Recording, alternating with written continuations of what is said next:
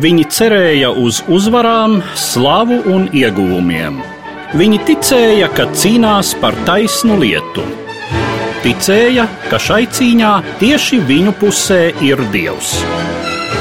Viņi iemantoja izpostītus novadus un sakropļotas miesas, sāpes, vilšanos, nāvi. Viņi, Eiropieši pirms simts gadiem. Lielais vēstures pagrieziens, Pirmais pasaules karš. Sarunās ar Eduāru Liniņu raidījumu ciklā Pirms simts gadiem Eiropā.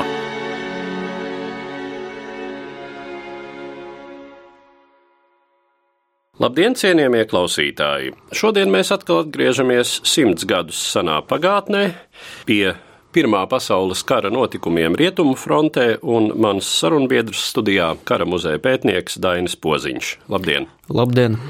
Tas, ka vācu virspavēlniecība mēģinās izmantot tai ļoti labvēlīgi noslēgušos karu austrumu frontē, bija skaidrs, kā tā mēģinās pārsviežot spēkus uz rietumiem, gūt izšķirošos panākumus un noslēgt karu sev vēlamā veidā rietumos.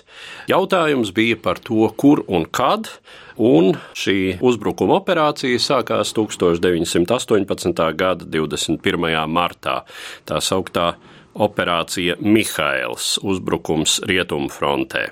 Es gribētu droši vien sākt ar to, kādi ir Vācijas valdības tā brīža plāni un priekšstati, vai viņi joprojām cer uzvarēt Pirmo pasaules karu, vai tomēr runa ir par daudz maz pieņemamu šī kara noslēgšanu?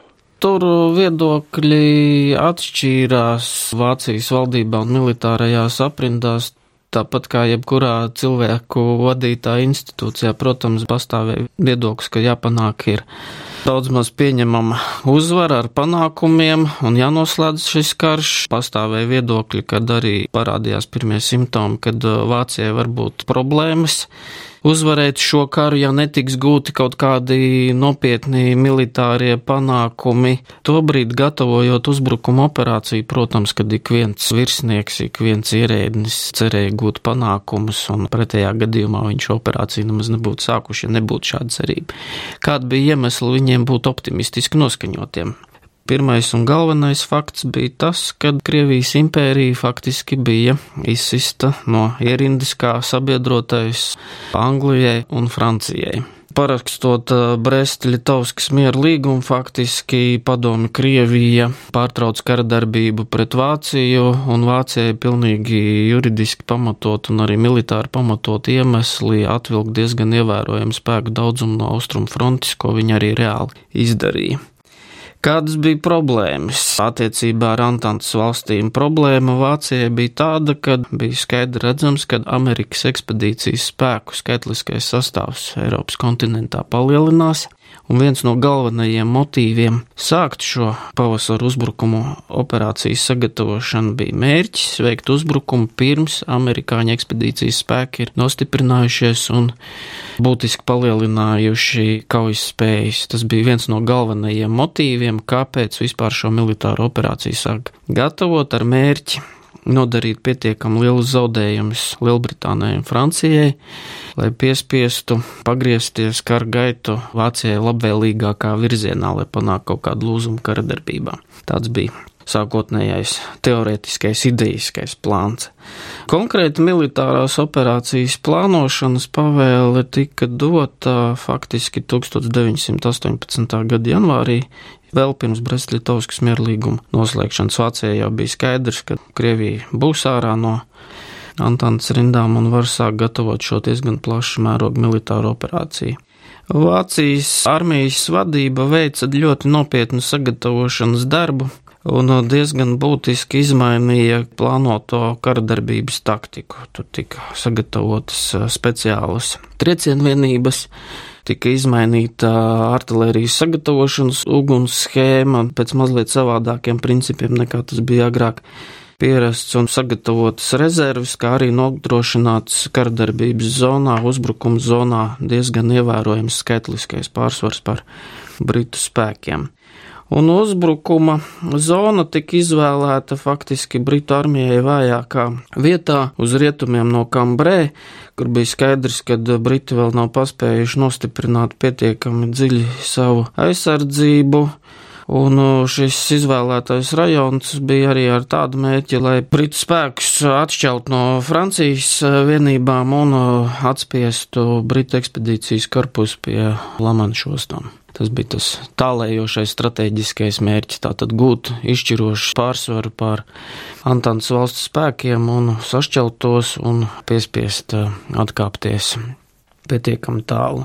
Operācija reāli sākās 21. martā ar ļoti intensīvu artērijas sagatavošanas uguni. Pēc dažādiem aprakstiem sanāk, ka operācijas sākuma fāzē Vācijas artilērija izšāvusi apmēram miljonus artilērijas šāviņu. Šaušanas intensitāte bija ļoti augsta, apmēram 3000 šāviņu minūtē. Un uh, izvēlētie mērķi, atšķirībā no iepriekšējām reizēm uzbrukuma operācijām, koncentrējās ne tik daudz tieši uz frontes līnijas priekšējām pozīcijām, bet artilērijas uguns tika vilkt pēc štābiem, sakaru punktiem, uguns punktiem, nostiprinātiem aizsardzībai svarīgākiem mezglu punktiem. Un tad, uh, pēc apmēram 5 stundas ilgās bombardēšanas, kaujā devās šīs triecienu grupas, kuras bija augsti mobīlas, apbruņotas ar mašīnu pistoliem, liesmetējiem. Tās varēja apiet zonas, kur bija nopietni pretestības mezgli, vienkārši izvēlētos vieglākās pretestības ceļu. Un tad vēlāk sekojošās vienības uzveic tos britu spēkus, kas bija palikuši šo triecienu vienību aizmugurē. Un šī taktika nostrādāja apbrīnojami labi, tāpēc ka Mobilās triecienu vienības spēja atbalstīt vienu otru ar uguni, aizstāvju sakaru spējas bija krietni dezorganizētas. Un uh, Briti nekad agrāk nebija sastapušies ar šādu taktiku. Pirmajās kaujas dienās Vācu armija guva apbrīnojami labus panākumus, spējot pavirzīt dienā savas pozīcijas, ieņemto teritoriju uz priekšu par apmēram 6 km. Tas bija neparasti labs rezultāts, ņemot vērā iepriekšējo kauju pieredzi.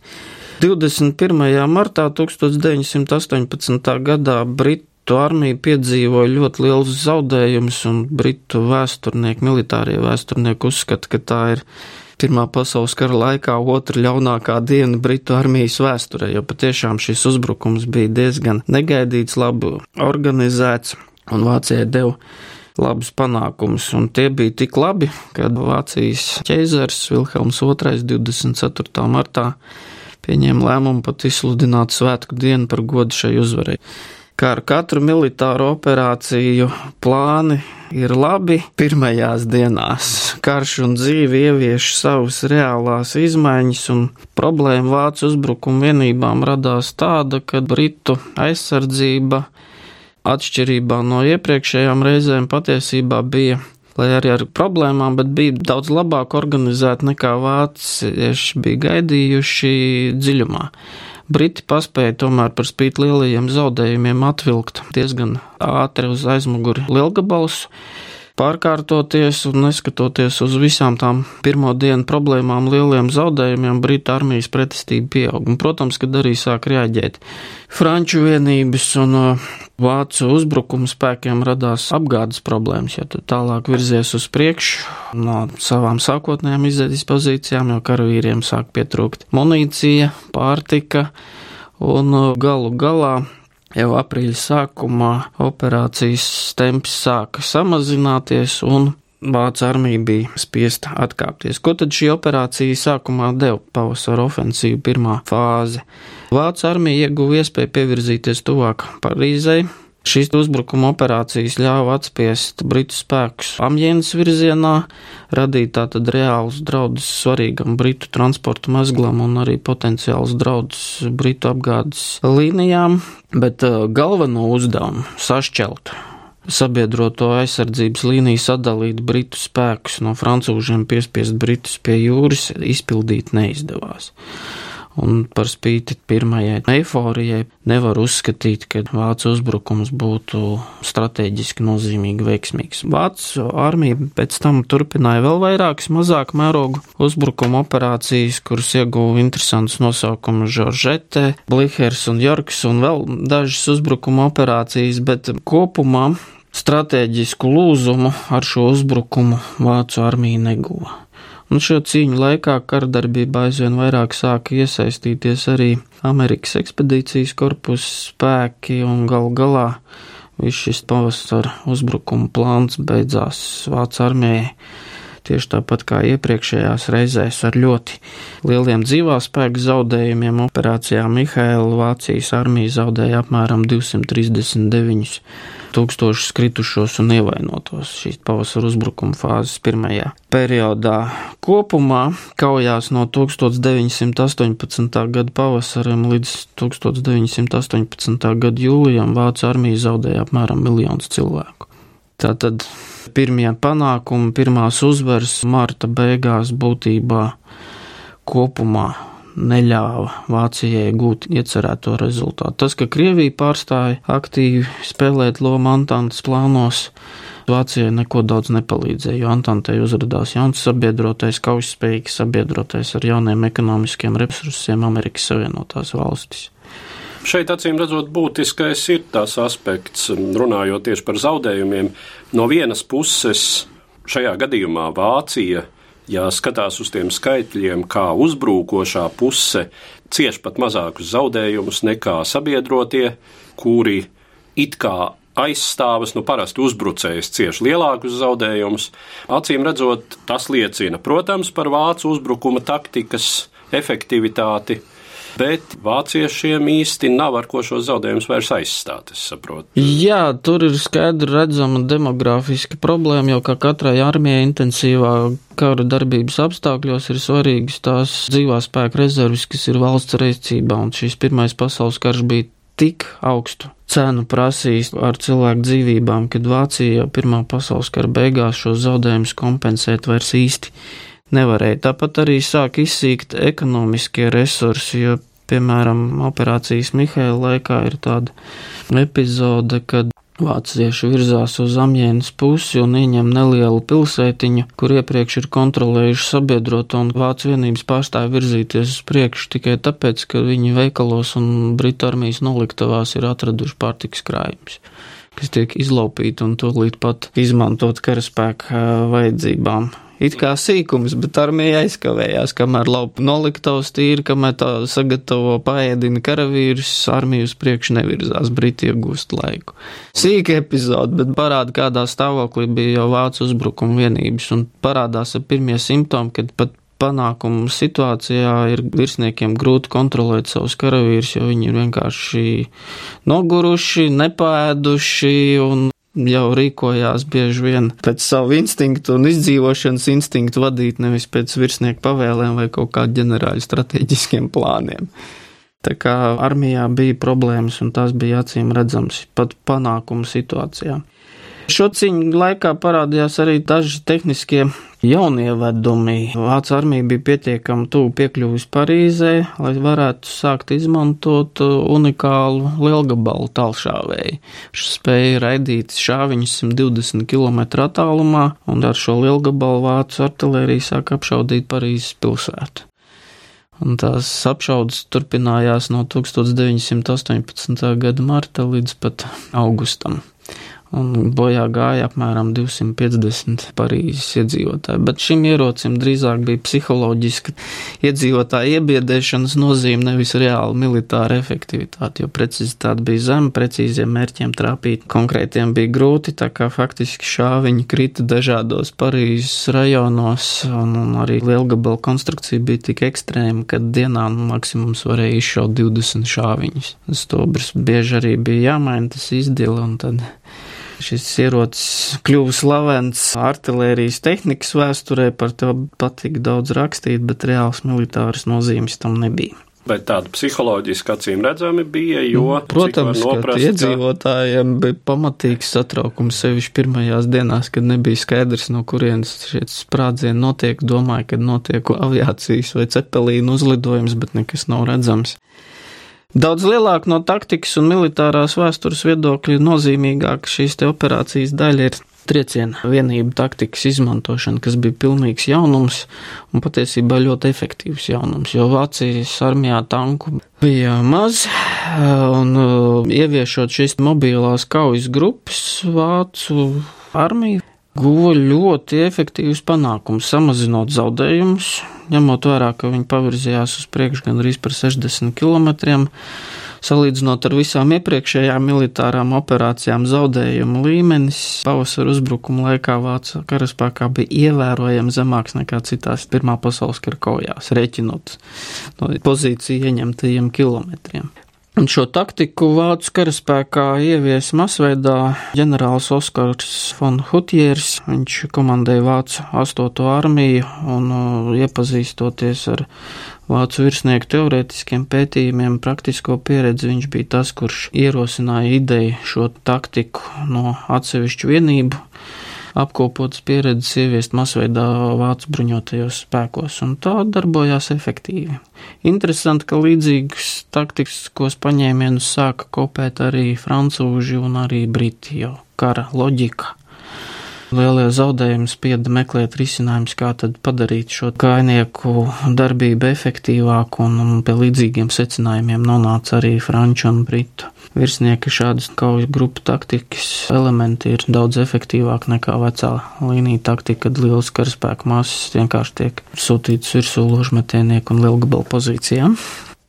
Bet tas arī, ko var lasīt, ka Šī taktika bija zināmā mērā problemātiska vāciešiem, jo šais triecienu vienībās, protams, tika atlasīti labākie karavīri, kaujas spējīgākie, pieredzējušākie, fiziski izturīgākie, un līdz ar to, protams, ejot avangardā, tomēr šīs vienības cieta diezgan lielus zaudējumus, un Vācija tādā veidā iztērēja labākos spēkus, kas tai bija.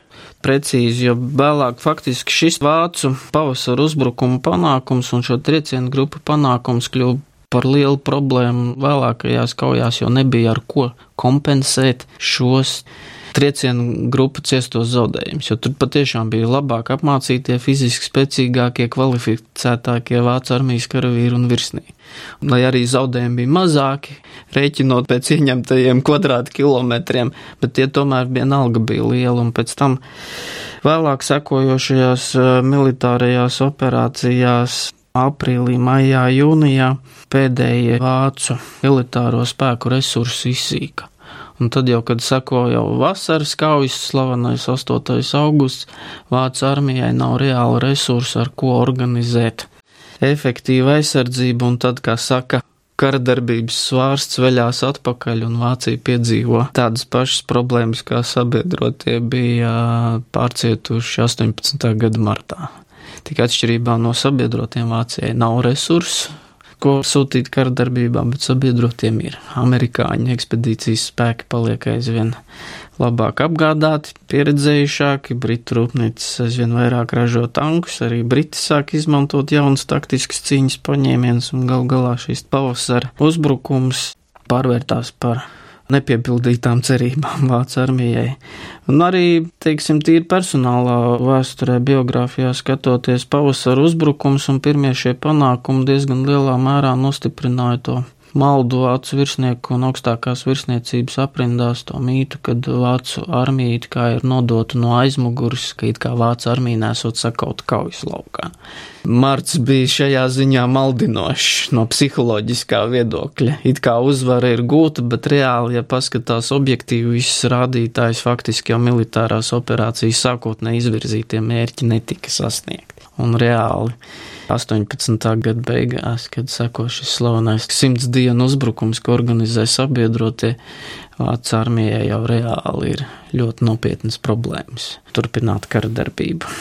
Bet šim motīvam, protams, bija ļoti tālējošas sekas. Jā, protams, tas pēc tam 20. un 30. gados Vācijas iekšpolitikā un politisko cīņu mitoloģijā spēlēja ārkārtīgi lielu lomu šī ideja par duņķu dūrienu mugurā, kad vācu revolucionārās un politiskās aprindas ir nodevušas vācu armiju un kad Vācijas armija varētu turpināt cīņu, bet tas bija liels dziļš mīns. Valsts kaujas spējas nosaka ne tikai tas, kādā stāvoklī ir armija, bet kādā stāvoklī ir valsts ekonomika, kādā stāvoklī ir sabiedrības ekonomika un sabiedrības psiholoģija.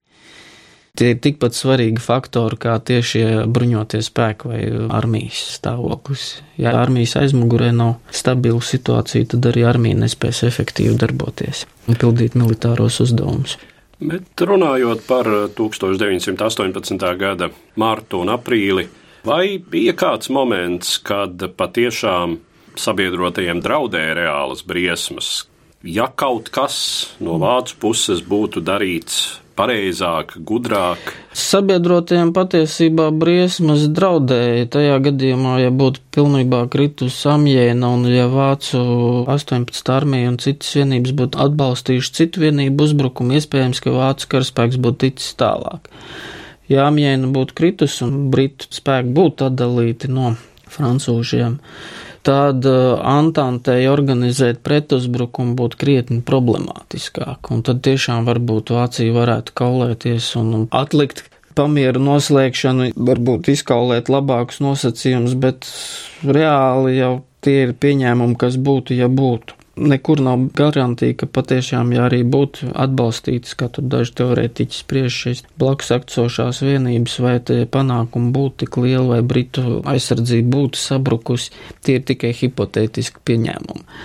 Tāpat arī 18. gada sākumā bija skaidrs, ka vācu zemūdeņu kara darbības vešanas metodēm nav tik liels iespējas uz britu apgādi ar izēju materiāliem no kolonijām un arī uz amerikāņu karaspēku transportiem uz kontinentu. Sabiedrotie spēja pietiekami efektīvi organizēt šo konvoju darbību un amerikāņu spēku klātbūtni, Amerikas atbalsts Francijas un Lielbritānijas ekonomikai bija visnotaļ ievērojams. Vācijas kara flotē un zemūdeņu flotē to neizdevās nekādi pārtraukt. Cik var noprast, tad eh, patiešām tas, ko vācieši iegūst uz kartes, izskatās efektīgi, jo tie ir eh, tik īsā laikā lielākie teritoriālie iegūmi rietumu frontē kopš kara sākuma, kopš vācu iebrukuma Francijas ziemeļos, bet No otras puses, tā ir jau karā ļoti izpostīta teritorija ar sagrautu infrastruktūru, ar minimāliem resursiem. Tas rajons ir Amjēna, Soma, Marna. Visas tās zonas, kas ļoti smagi bija cietušas Pirmā pasaules kara vidus un sākuma periodā. Un šajā gadījumā šīs teritorijas iegūšana izstiepa Vācijai aizsardzības līniju. Tātad teritorijas aizsardzībai vajadzēja vairāk karavīru, bet no resursu un citu viedokļa Vācijas teritorija nekādas būtiskas taktiskas vai strateģiskas priekšrocības nedeva. Tātad sabiedrotie diezgan efektīvi Pirmā pasaules kara noslēguma posmā visu, ko pavasara uzbrukumā Vācija bija guvusi, spēja atgūt atpakaļ, atspiest vācu spēkus atpakaļ. Augustā jau Vācija bija spiest pārtraukt Parīzes apšaudīšanu ar šo tālšāvēju lielgabalu palīdzību, un 8. augustā Melnā diena, kā Hindenburgs to nosauc, un citi, kad vācu spēki piedzīvoja ļoti, ļoti nopietnas zaudējumus vienā dienā. Lūkojoties no tādas plašas perspektīvas, 1918. gada pavasaris, tas ir brīdis, kad izpaužas beidzot nepārprotami tas, cik neizdevīgs, neērts pretinieks Vācijai ir bijusi Lielbritānija. Jo laikam jau tieši Britu ne tik daudz tīri militārā un uh, ekonomiskā, varbūt pat kapacitāte, cik Lielbritānijas svars tā laika globālajā politikā spēja piesaistīt eh, šim karam savā pusē. Pirmām kārtām, protams, Amerikas Savienotās valstis kā otru lielo anglosakšu nāciju, bet, eh, ja mēs paskatāmies uz tiem spēkiem, kas tajā brīdī cīnās rietumu frontē, tad tā ir visa Britu impērija. Tur ir austrālieši, tur ir jaunzēlandieši, tur ir kanādieši un dienvidāfrikāņi. Un tur ir nācijas, par kurām mēs varam būt stipri pārsteigti, ka tās tur atrodas, bet, piemēram, tur ir divas portugāļu divīzijas frontē. Jā, un patiesībā šīs abas divīzijas kardarbības laikā bija ļoti aktīvi iesaistītas. Tas, ka Britu impērija ir iedarbinājusi visus savus resursus un uh, visu savu globālo ietekmi šai karā, nu, tas arī 18. gadā dod savus augļus. Bet no otras puses jāpiebilst arī, ka Pirmais pasaules karš Brita impērijai patiešām bija visu resursu mobilizācijas iegansts un uzvara.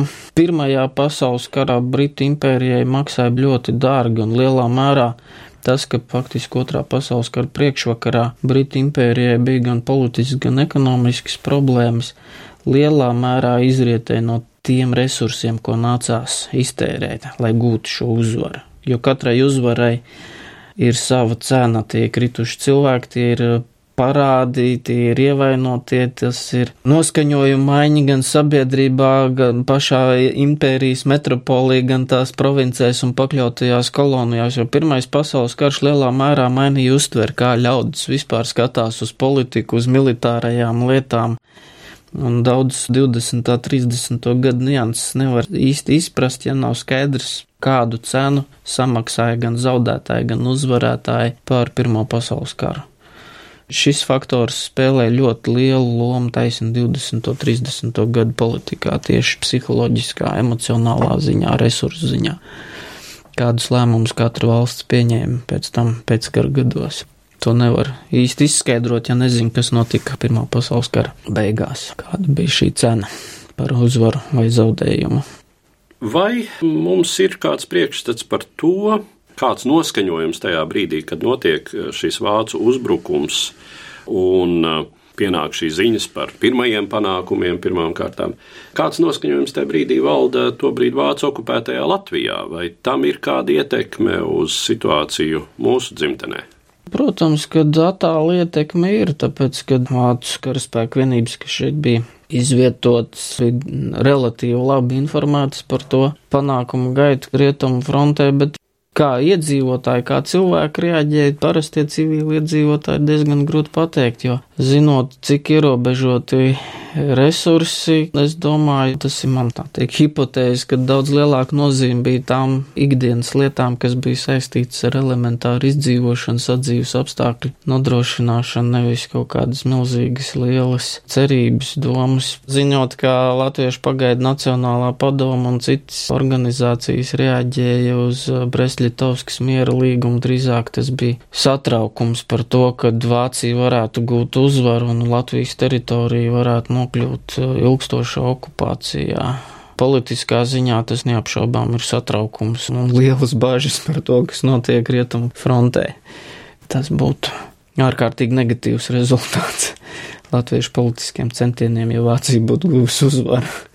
Bet visnotaļ mēs varam tikai atgādināt, ka tajā brīdī tas, kas notika rietumu frontē, tas bija būtiski arī Latvijai. Jā, neapšaubām. Tas, ka Vācija gal galā negūs šo strateģisko uzvaru, arī tas, ka padomu Krievija nespēja iziet no pilsoņu kara situācijas viegli, tas, ka šie divi lielie Eiropas spēlētāji faktiski tika izslēgti no tās impērisko ambīciju spēles, bija milzīgi svarīgs faktors, kāpēc. Austrum Eiropa un Baltijas reģions spēja atbrīvoties gan no Krievijas, gan no Vācijas kontrolas. Vēlreiz jāatgana to pašu Brestļitovskas miera līgumu, jo Krievija ar šo līgumu, lai arī tā saucās padomu Krievija, pilnīgi oficiāli ar savu parakstu atteicās no Baltijas valstu tagadējām teritorijām, kā arī no Ukrainas.